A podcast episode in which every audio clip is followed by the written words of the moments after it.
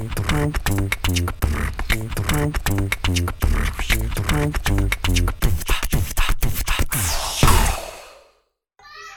Powaners, eh, balik lagi nih bersama gue ada Yose. Eh, kali ini udah lama kali ya kita bikin podcast sekitar enam bulan yang lalu mungkin gue lihat terakhir.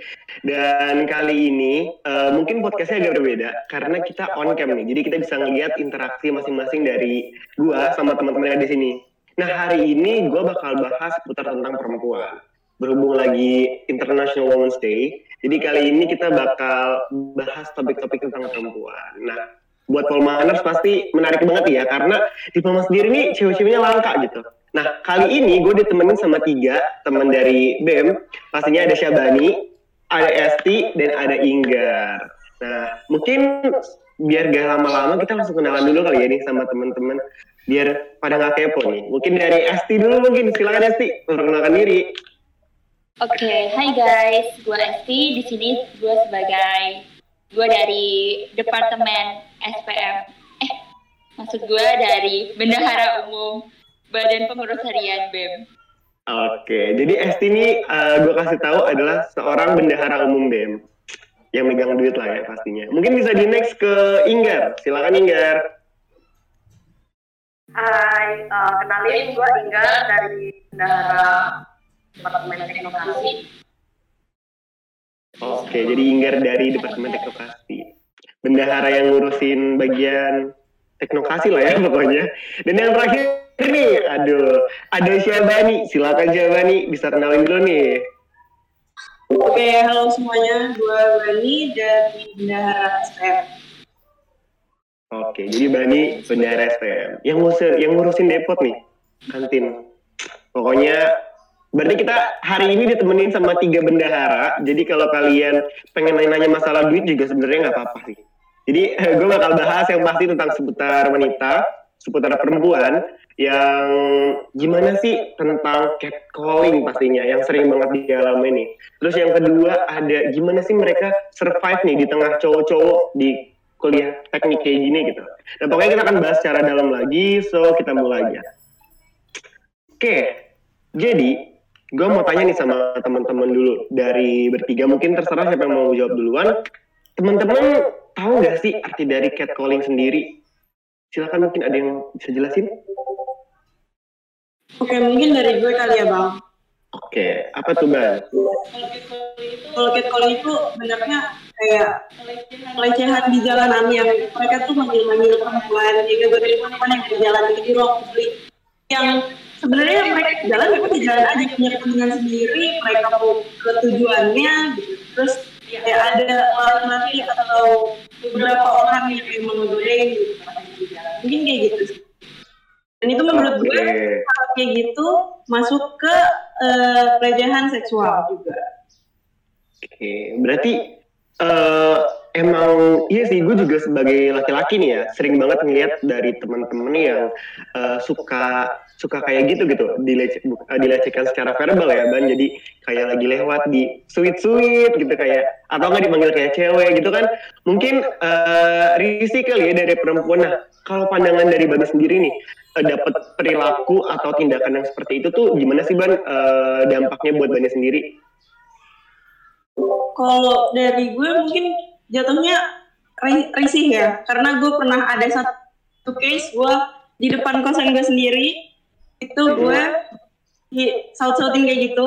Posisinya gue pakai ya mungkin gue pakai boxer ya waktu itu. Pakai boxer pakai kaos biasa. Oke. Okay. waktu itu posisinya gue mau ngambil makan.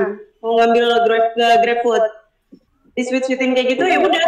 Gue pertama diam gitu. Terus hari berikutnya next uh, hari ke berikutnya digituin lagi udah gue konfrontasi. Maksudnya apa? Maunya gimana? gitu. Kenapa? gitu. Hmm. kenapa dengan gue pakai boxer dong gitu loh. Ada masalah apa dengan cewek pakai boxer? Itu loh. Kayak malah dianggap uh, kayak gimana ya? Dianggapnya kayak malah mau menonjolkan gitu. Padahal sebenarnya enggak ya udah. Ngerti ngerti. Kayak dianggap tidak senonoh gitu loh ya mungkin. Uh, tapi kalau kalau dari Bani sendiri tadi kan Bani bilang pas lagi pakai boxer terus dibilang kayak gitu. Tapi uh, sebenarnya kalau pas Bani lagi rapat pun pernah nggak sih, maksudnya kayak lagi berhijab atau pakai baju panjang itu juga pernah nggak sih kena hal-hal kayak gitu, Ban? Pernah. maksudnya waktu itu gue lagi mau lari di GBK rumah gue di Jakarta kan gue ngekos di Sunter Mm. gue mau lari dari rumah gue lagi di parkiran GBK eh, terus keluar kan dari mobil sama teman-teman gue pas masuk ke dalam ada cowok-cowok gue nggak tahu ya itu cowok-cowok yang emang ya agak lumayan gitu tampangnya juga lumayan ber apa ya berkarakter dan berkelas gitu menurut gue ya Oke. Terus? itu gitu kayak buat sweet sweetin gue dan itu posisinya gue lagi sama teman-teman gue juga cewek dan cowok Oke. gue pakai kerudung rapi gue pakai baju Ah. olahraga seperti biasanya karena di GBK tempat untuk olahraga iya bukan Betul. itu Nah. begituin Berarti kalau yang bisa gue ambil ya dari cerita lo ini, eh, yang namanya catcalling tuh eh, nggak nggak merujuk kalau orang pakai celana pendek atau baju terbuka, which is lo yang pakai kerudung aja tuh dapat hal tersebut gitu. Kayak berarti nggak bentuk kemungkinan ya apa pun itu. Mungkin kalau dari teman-teman yang ini, ST atau Inggar juga pernah nggak sih ngalamin hal tersebut? Kalau dari gua pribadi tuh pernah sering malah. Apa Gimana apalagi saat di jalan tuh. Saat di jalan. Misal kita ke mana gitu. Nanti eh, ada se- seorang itu yang kayak ngambil foto kita gitu dari terus dia manggil-manggil gitu. Pokoknya itu buat kita risih banget lah di jalan. Oke, kayak gitu ya. dan Jadi, dan sama kayak Bani tadi gue pernah juga di depan kos dan itu emang bener-bener banyak cowok-cowok gitu yang dan risih banget lah pokoknya tentang hal tersebut Oke oke. Iya berarti eh, maksudnya di lingkungan terdekat lo, lo aja yang even itu kos lu, lo masih dapat hal kayak gitu emang miris sih. Gue juga sebagai laki-laki kayak eh, menyangka hal tersebut ya mungkin eh, kurangnya edukasi atau hal tersebut dan gue harapin sih di podcast kali ini mereka bisa dengar dan bisa mempelajari hal tersebut nih. Nah mungkin gue mau nanya lagi ke teman-teman mungkin dari Inggar juga atau dari ST atau dari yang lainnya bisa eh, eh, menjawab. Eh, pengennya tuh kalian tuh seperti apa sih gitu? Maksudnya eh, dalam arti kalian tuh ingin ketika keluar atau ketika bertemu sama orang tuh pengen eh, apa dapat hal yang kayak gimana gitu? Atau hal-hal yang sebenarnya lo tuh nggak boleh kayak gini mungkin bisa kasih tahu ke kita mungkin yang para laki-laki nih oh gue harus gak boleh ya kayak gini. Apa sih batasan-batasan atau hal-hal yang perlu kalian share ke kita gitu? Eh, kalau dari gue sendiri ya bang kayak ya emang sih kadang eh, cowok tuh ngelesnya kayak ya karena perempuannya gitu kenapa sih pakai bajunya gitu ka- pakai bajunya gitu gitu. Tapi ya balik lagi ke cowoknya kan.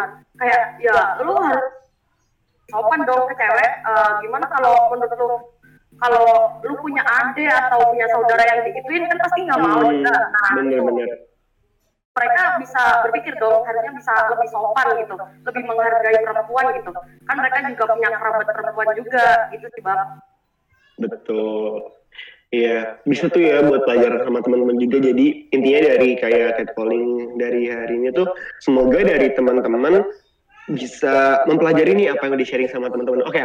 Oh ya nih dari Bani, eh, Inggar sama Esti, gue juga udah kemarin sempat share Google Form ke teman-teman perempuan yang ada di Polman tentang catcalling. Jadi mungkin gue bakal bacain beberapa cerita yang teman-teman juga alamin gitu ya. Ini gue ngambil cerita dari satu teman kita. Eh dari Niken, dari Niken Ayu Tirtaning Tias. Oke, dia juga pernah nih teman-teman dapat uh, catcalling. Dia kan cerita, sering banget nih kalau lagi naik motor sendirian, kemudian ada banyak cowok di pinggir jembatan, biasanya si cowok itu pasti bilang, aduh hai, atau enggak eh, mereka suka bersiul. Nah, gimana nih teman-teman? Pernah nggak sih ngalamin hal yang sama kayak gitu di siul-siulin? Mungkin tadi dari eh, ST juga pernah kayak, kalau dari Inggar mungkin bisa kasih tanggapan ke Nik, ceritanya Niken nih, gimana tuh?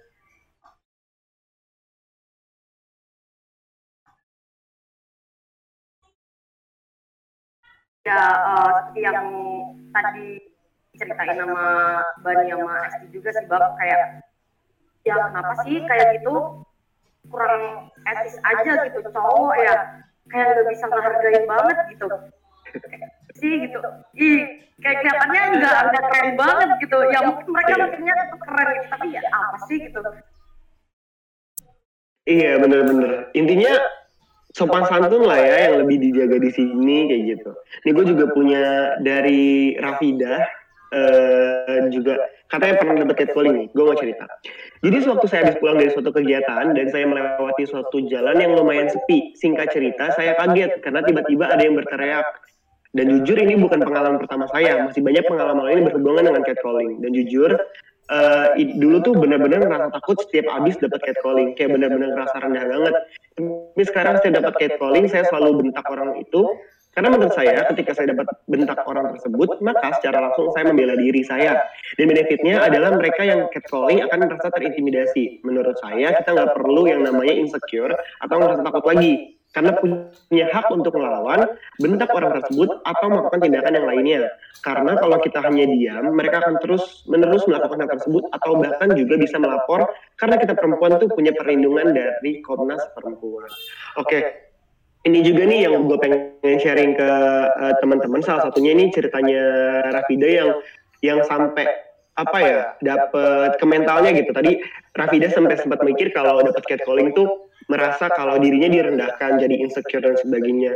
Kalau dari teman-teman sendiri, uh, setuju nggak sih atas statement itu kayak apakah teman-teman juga ketika uh, dilontarkan hal hal-hal seperti catcalling tersebut merasa insecure atau kayak gimana gitu? Dan mungkin dampaknya apa sih buat teman-teman sendiri kalau untuk masalah keinsecurean tersebut?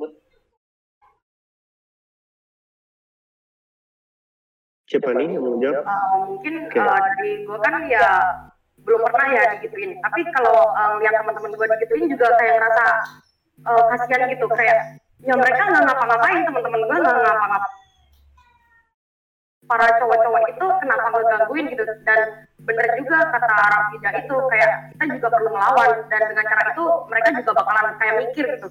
Kalau semisal kita nggak nggak bisa melawan juga mereka bakalan kayak gitu terus. Jadi kita harus ngambil tindakan emang.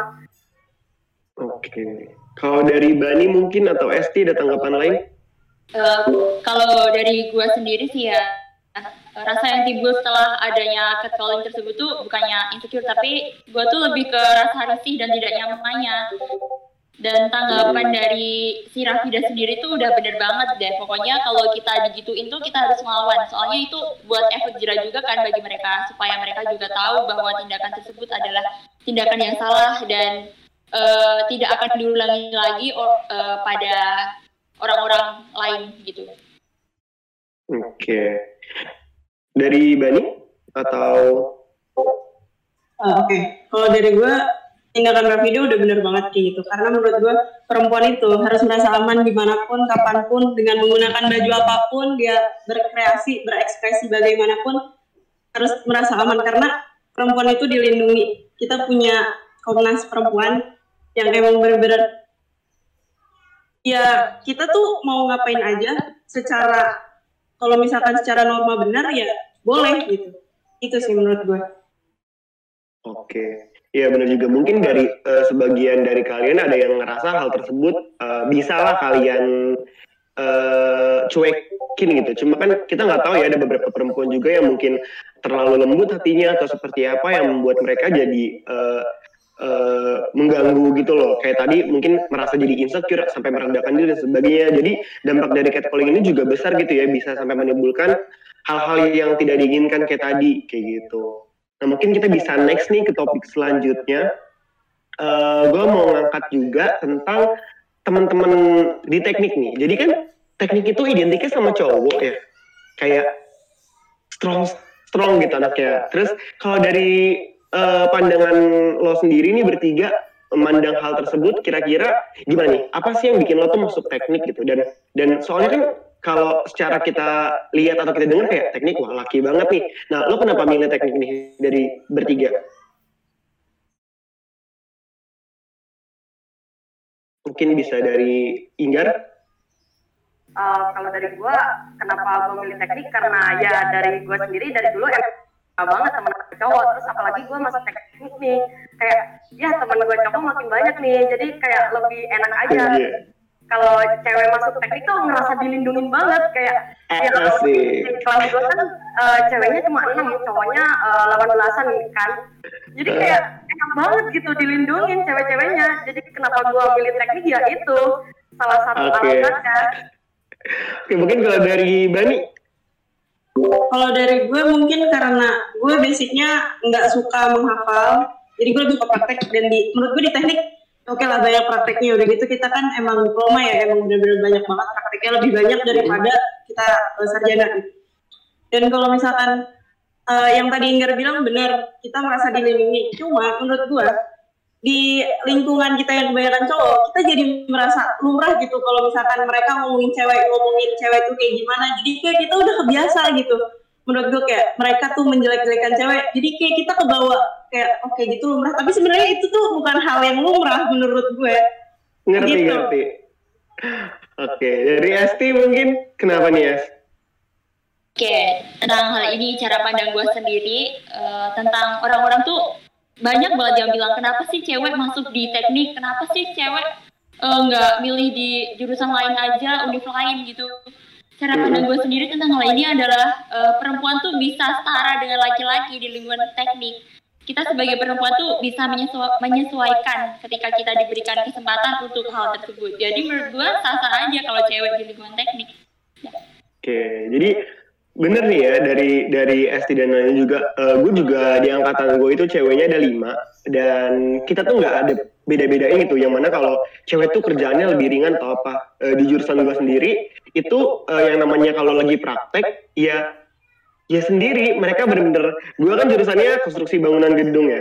Jadi uh, prakteknya tuh suka kayak emang berat lah kayak kuli lah ya kalau bisa gue share ke kalian. Jadi teman-teman gue pun yang cewek itu mereka ngangkat batu bata ngangkat semen ngangkat hal lainnya dan dan dosen gue pun uh, bilang kayak kita nggak bisa kita nggak ada beda-beda ini ya mana kalau cewek itu harus lebih ringan atau cowok harus lebih berat. Jadi ya kayak gitu sih uh, gue sukanya di Polma sendiri itu uh, yang namanya setara gitu loh antara perempuan sama laki-laki. Di sini uh, punya punya kesempatan yang sama punya taraf kerja dan cara berpikir yang sama cara kerja yang sama. Jadi kayak gitu deh gue sukanya kalau dari teman-teman sendiri mungkin uh, pernah nggak sih dapat hal-hal yang disepelein gitu? Kayak ah emang lo bisa uh, praktek kayak gitu? Lo kan cewek gitu. Mungkin ada yang pernah ngalamin? Kalau dari gue sendiri eh, nggak uh, pernah sih bang. Soalnya kan ya balik lagi ya benar kata bang Yose kan di Purman sendiri kan nggak ada nggak ada yang namanya lu cewek nih cowok nih. Jadi semuanya sama rata gitu. Jadi harus gue juga harus bisa ngelakuin kerjaan yang dilakukan sama cowok-cowok jadi enaknya gitu sih kalau masuk Polman jadi kayak uh, eh, gue bisa ngelakuin apa yang cowok lakuin juga. Terus tanpa mereka sepelein gitu. Ya gitu sih bang. Benar-benar kalau dari yang lain? Pernah nggak dapat hal yang disepelein gitu sama uh, temennya atau dosennya? Kalau dari gue sendiri sih kadang teman-teman gue tuh pada bercanda emang lu bisa es gini emang lu bisa ngelakuin ini. apalagi tuh saat kerja bangku gitu kan di proses foto dasar gitu. Terus ya gue buktiin aja ke mereka bahwa gue tuh sebagai cewek tuh bisa. Dan akhirnya waktu itu tuh gue sumpah bener-bener berusaha banget biar buktiin ke mereka bahwa gue tuh bisa ngelakuin hal ini Iya, oke. Okay. Berarti intinya yang di sini tuh kalian uh, adanya pembuktian ya dari teman-teman juga uh, kalau misalkan emang ya gue tuh juga bisa gitu ngelakuin hal kayak gini. Gitu. Bagus sih. Keren keren sama kalian. Nah kalau uh, dari gue mau nanya lagi mungkin dari uh, kalian salah satu bisa ada yang jawab. Tadi kan kita udah bahas hal-hal yang yang yang apa ya, yang menguntungkannya gitu. Tapi selama kalian di sini eh, di luar tadi disepelekan dan yang selainnya pernah nggak sih di Polma sendiri atau dari teman-teman uh, pria di lingkungan kalian yang yang ya tadi merendahkan kalian atau hal-hal yang lain gitu? Kayak terus kan kalian pasti ada boundaries ya dari kalian juga ketika berteman sama cowok. Nah itu kerasa nggak sih uh, apa ya perbedaan pertemanannya atau kayak cuma cewek ngumpul sama cewek sendiri atau kalian malah nyampur gabung gitu temanannya gimana kalau dari kalian untuk masalah pertemanan? Oke, mungkin dari gue ya bang. Kalau misalkan dari gue dari jurusan gue itu kita nyampur nyampur aja gitu. Karena kita juga emang cuma sedikit kan uh, apa mahasiswanya teman-temannya juga cuma kita satu kelas cuma ber, ber 24 dan menurut gue kayak gitu ya benar kata Inggar tadi kita merasa dilindungi terus bondingnya ada karena emang kita uh, berusaha untuk oke kita nyari klubnya di mana supaya kita selama tiga tahun nanti ke depan ini kita lancar-lancar aja kuliahnya semuanya. Terus juga mereka saling ngertiin kita kayak gimana. Kayak gitu sih bang. Oke. Okay. mungkin dari yang lain ada yang mau nambahin? Ya kalau dari gue sih pertemanannya kita tuh tetap nyampur aja berbaur antara cewek dan cowok di situ jadi kita juga uh, ceweknya namanya juga dikit kita harus kayak mencari teman yang banyak di situ walaupun itu teman-temannya cowok dan di situ kita harus menerapkan hmm. intinya tuh jangan buta pergaulan aja di situ walaupun banyak cowok di situ intinya kita harus itu sih jangan buta pergaulan oke okay. oke okay.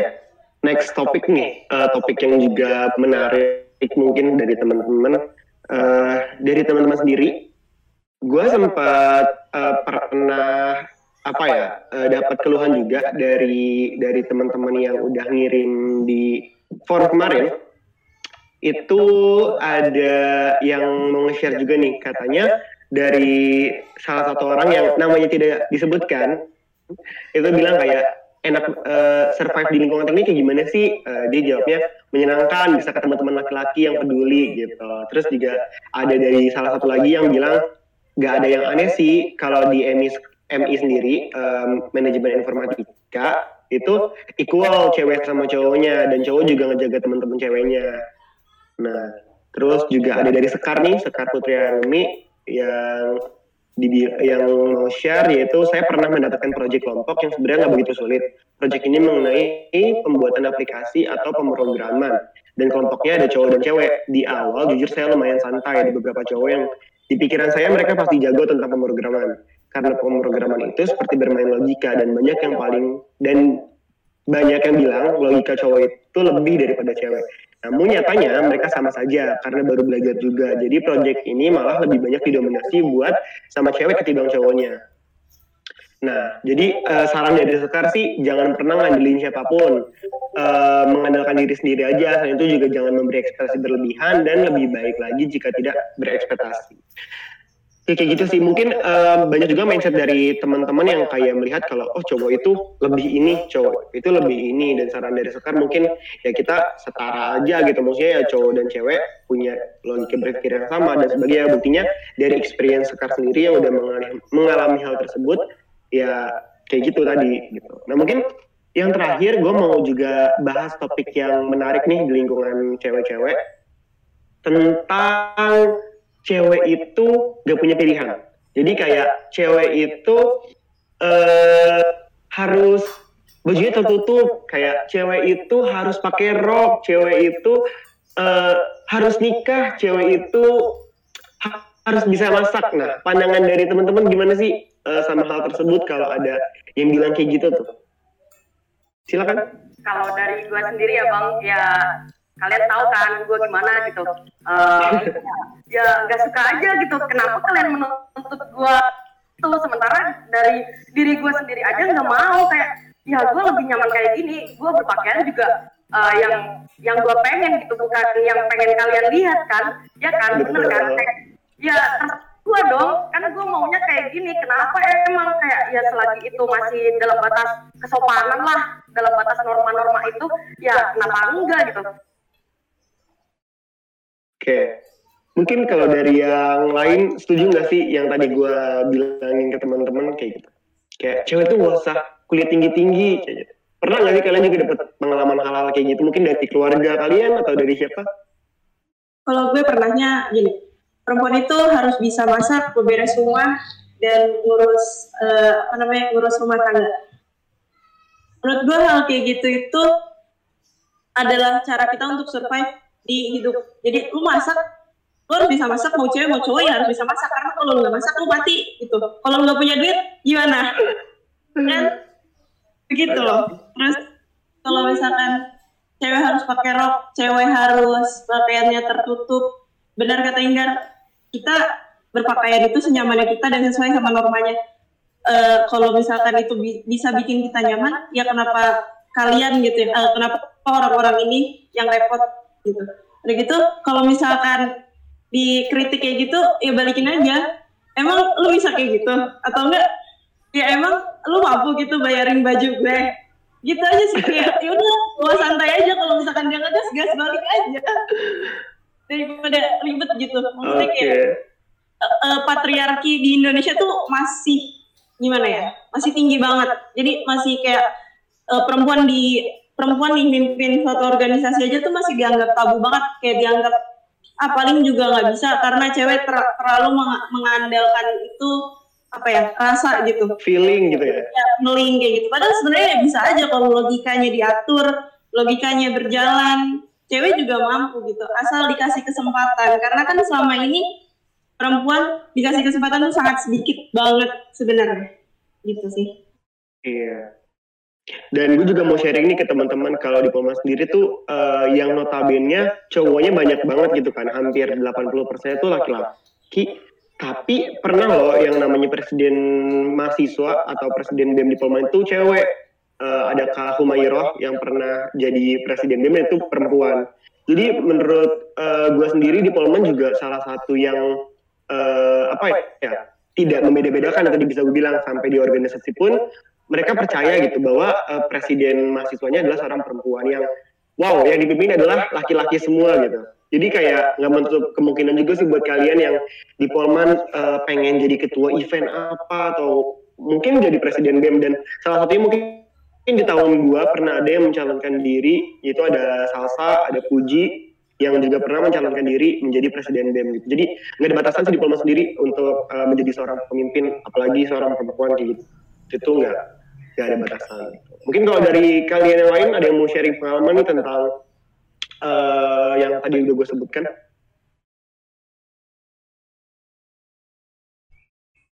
sih bang eh, kenapa benar kata bang Yusik kenapa kenapa Polman itu bikin gua nyaman banget itu ya karena salah satunya kayak menghargai perempuan banget gitu. Kayak semuanya dalam semua segi gitu. Praktek terus juga eh, di organisasinya itu menghargai perempuan banget. Kayak kita mau jadi pemimpin juga oke oke aja gitu.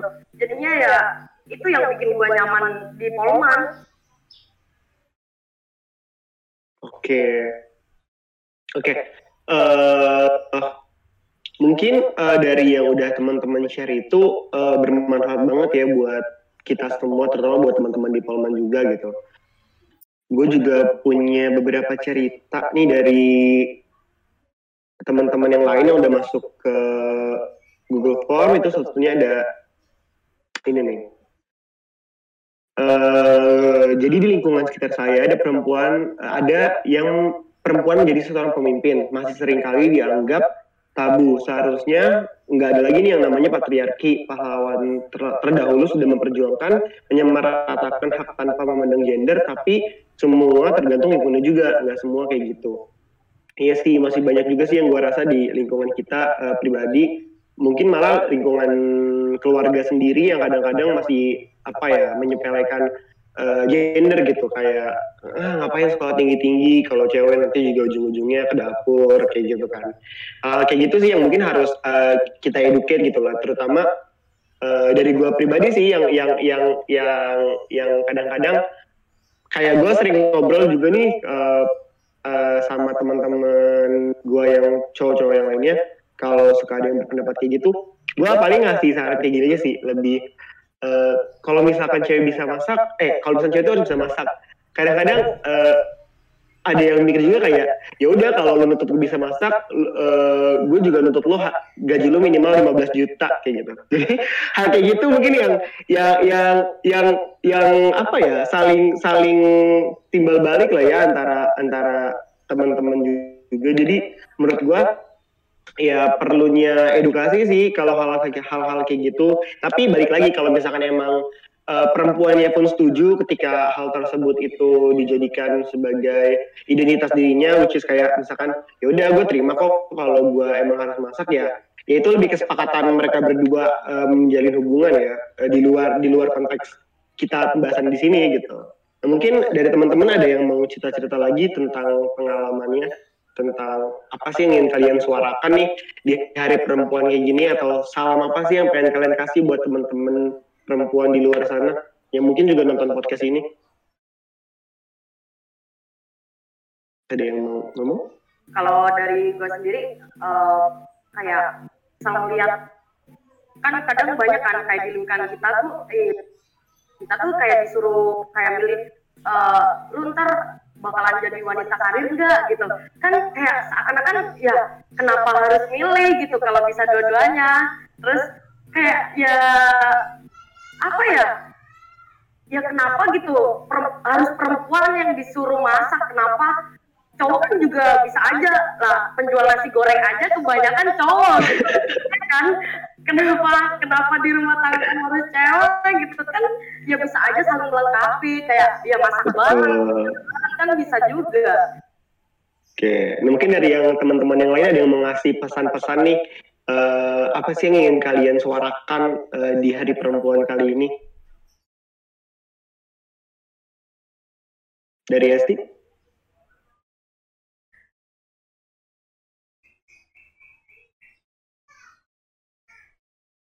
Oke, mungkin dari Bani memiliki ada yang mau disampaikan. Oke, okay, Silakan Esti lanjut. Kalau dari gue, antu gay, mereka tidak untuk dilecehkan. Dan perempuan di teknik itu sah-sah aja. Dan juga perempuan tuh memiliki kesetaraan dengan laki-laki. Mereka bisa dan mereka mampu untuk melakukan hal-hal yang sama kaitannya dengan laki-laki. Gitu sih. Oke, gila. Bagus banget nih pertanyaan. Dan yang terakhir mungkin dari Bani mau nyampein pesan apa nih buat perempuan-perempuan di luar sana? uh, jangan merasa takut kalau misalkan dilecehkan jangan merasa malu kita uh, tetap berjuang untuk tetap merasa aman di mana pun dan kapan pun kita punya hak yang sama dengan uh, individu lain manusia lain mau cewek mau cowok. Kita punya kesempatan yang sama.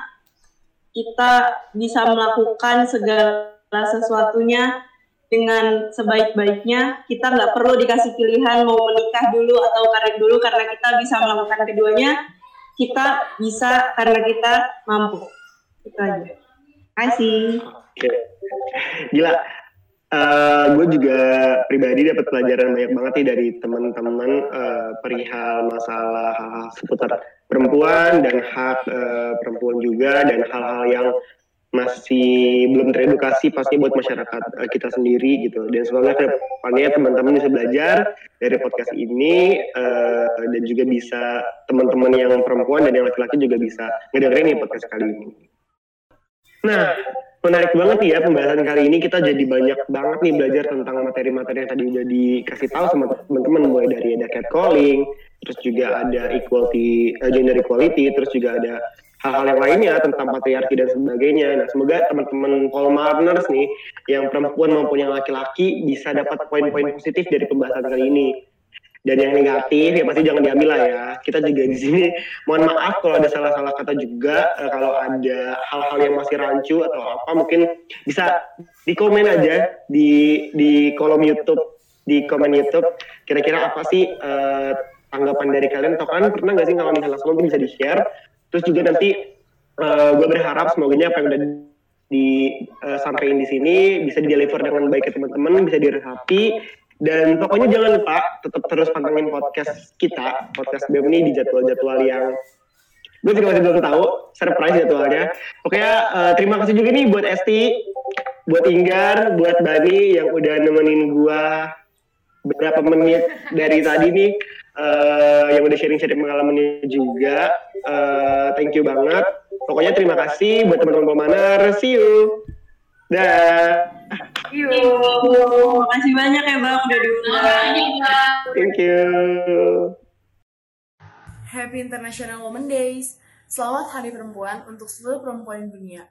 Menurut saya, kita sangat penting untuk merayakannya karena sebagai bentuk representasi protes dari kesetaraan gender yang sampai saat ini masih timpang. Yuk, kita buktikan bahwa perempuan itu bukan makhluk yang lemah. Kita juga bisa melakukan pekerjaan yang berat sekalipun. Bahkan kita juga bisa menjadi seorang pemimpin. Yuk mari sama-sama kita buktikan. Semangat guys! Halo, saya Niken Aita Tanintias. Perempuan sekedar membuat pilihan saja sudah dianggap menantang. tidak jarang malah menganggap rendah dirinya sendiri. Para penelitian juga menyatakan bahwa seseorang yang memiliki edukasi yang tinggi akan membawa korelasi positif bagi seorang laki-laki, namun kerap membawa konsekuensi negatif bagi seorang perempuan. Padahal kenyataan, jika kita memberikan edukasi yang tinggi pada perempuan merupakan sebuah investasi. Mengapa investasi? Karena mau nggak mau seorang perempuanlah yang akan mengajarkan pendidikan kepada anak cucunya nanti. Oleh karena itu, kita seba sebagai perempuan tetaplah mencari pendidikan dan menambah wawasan kita. Jangan dengarkan kata orang lain yang meletakkan atau mengharuskan kita pada suatu posisi tertentu. Selamat Hari Perempuan, kita perempuan, kita hebat. Kalau menurut aku, Hari Perempuan itu adalah hari di mana perempuan menunjukkan jati dirinya dan mengutarakan serta mengekspresikan apa aja yang ada di pikirannya. Selamat Hari Perempuan. Menurut saya, Hari Perempuan merupakan salah satu kampanye untuk mengingatkan bahwa perempuan dan laki-laki itu setara. Teruslah belajar, jangan menyerah untuk meraih mimpi, dan jadilah diri sendiri. Selamat Hari Perempuan. Kadang perempuan jadi salah satu sasaran ketidaksetaraan gender. Sering diremehkan untuk melakukan pekerjaan laki-laki, termasuk kita sebagai mahasiswi teknik. Padahal, bukan hal mustahil kita sebagai perempuan pun mampu mengimbangi kemampuan laki-laki. Maka dari itu, Hari Perempuan bagi saya adalah sebuah pengingat bahwa kita pun sebagai perempuan berhak untuk menyuarakan ketidaksetaraan gender. At least kita sebagai perempuan tidak merasa tersudut atau dirugikan. Buat kalian, para perempuan di luar sana, tetap lakukan yang terbaik dan jangan ragu untuk bersuara. Semua perempuan dilahirkan dengan kekuatan. Ada satu hal yang perlu diingat dan dipelajari oleh setiap perempuan, bahwa mereka memiliki kekuatan untuk mengubah arah anginnya sendiri. Selamat Hari Perempuan Sedunia. Kini saatnya kita buktikan bahwa perempuan bukanlah makhluk yang lemah. Mari kita terus junjung kesetaraan gender di mana pun, karena setiap perempuan hebat, setiap perempuan kuat. Lakukan apa yang menurut kamu itu akan membuat kamu bahagia dan jadilah perempuan yang tidak hanya cantik dari luar tapi juga dari dalam. Semoga kita dijauhkan dari mara bahaya, ketidaksetaraan dan kesenjangan sosial. Hidup mahasiswa, hidup rakyat Indonesia, hidup perempuan Indonesia.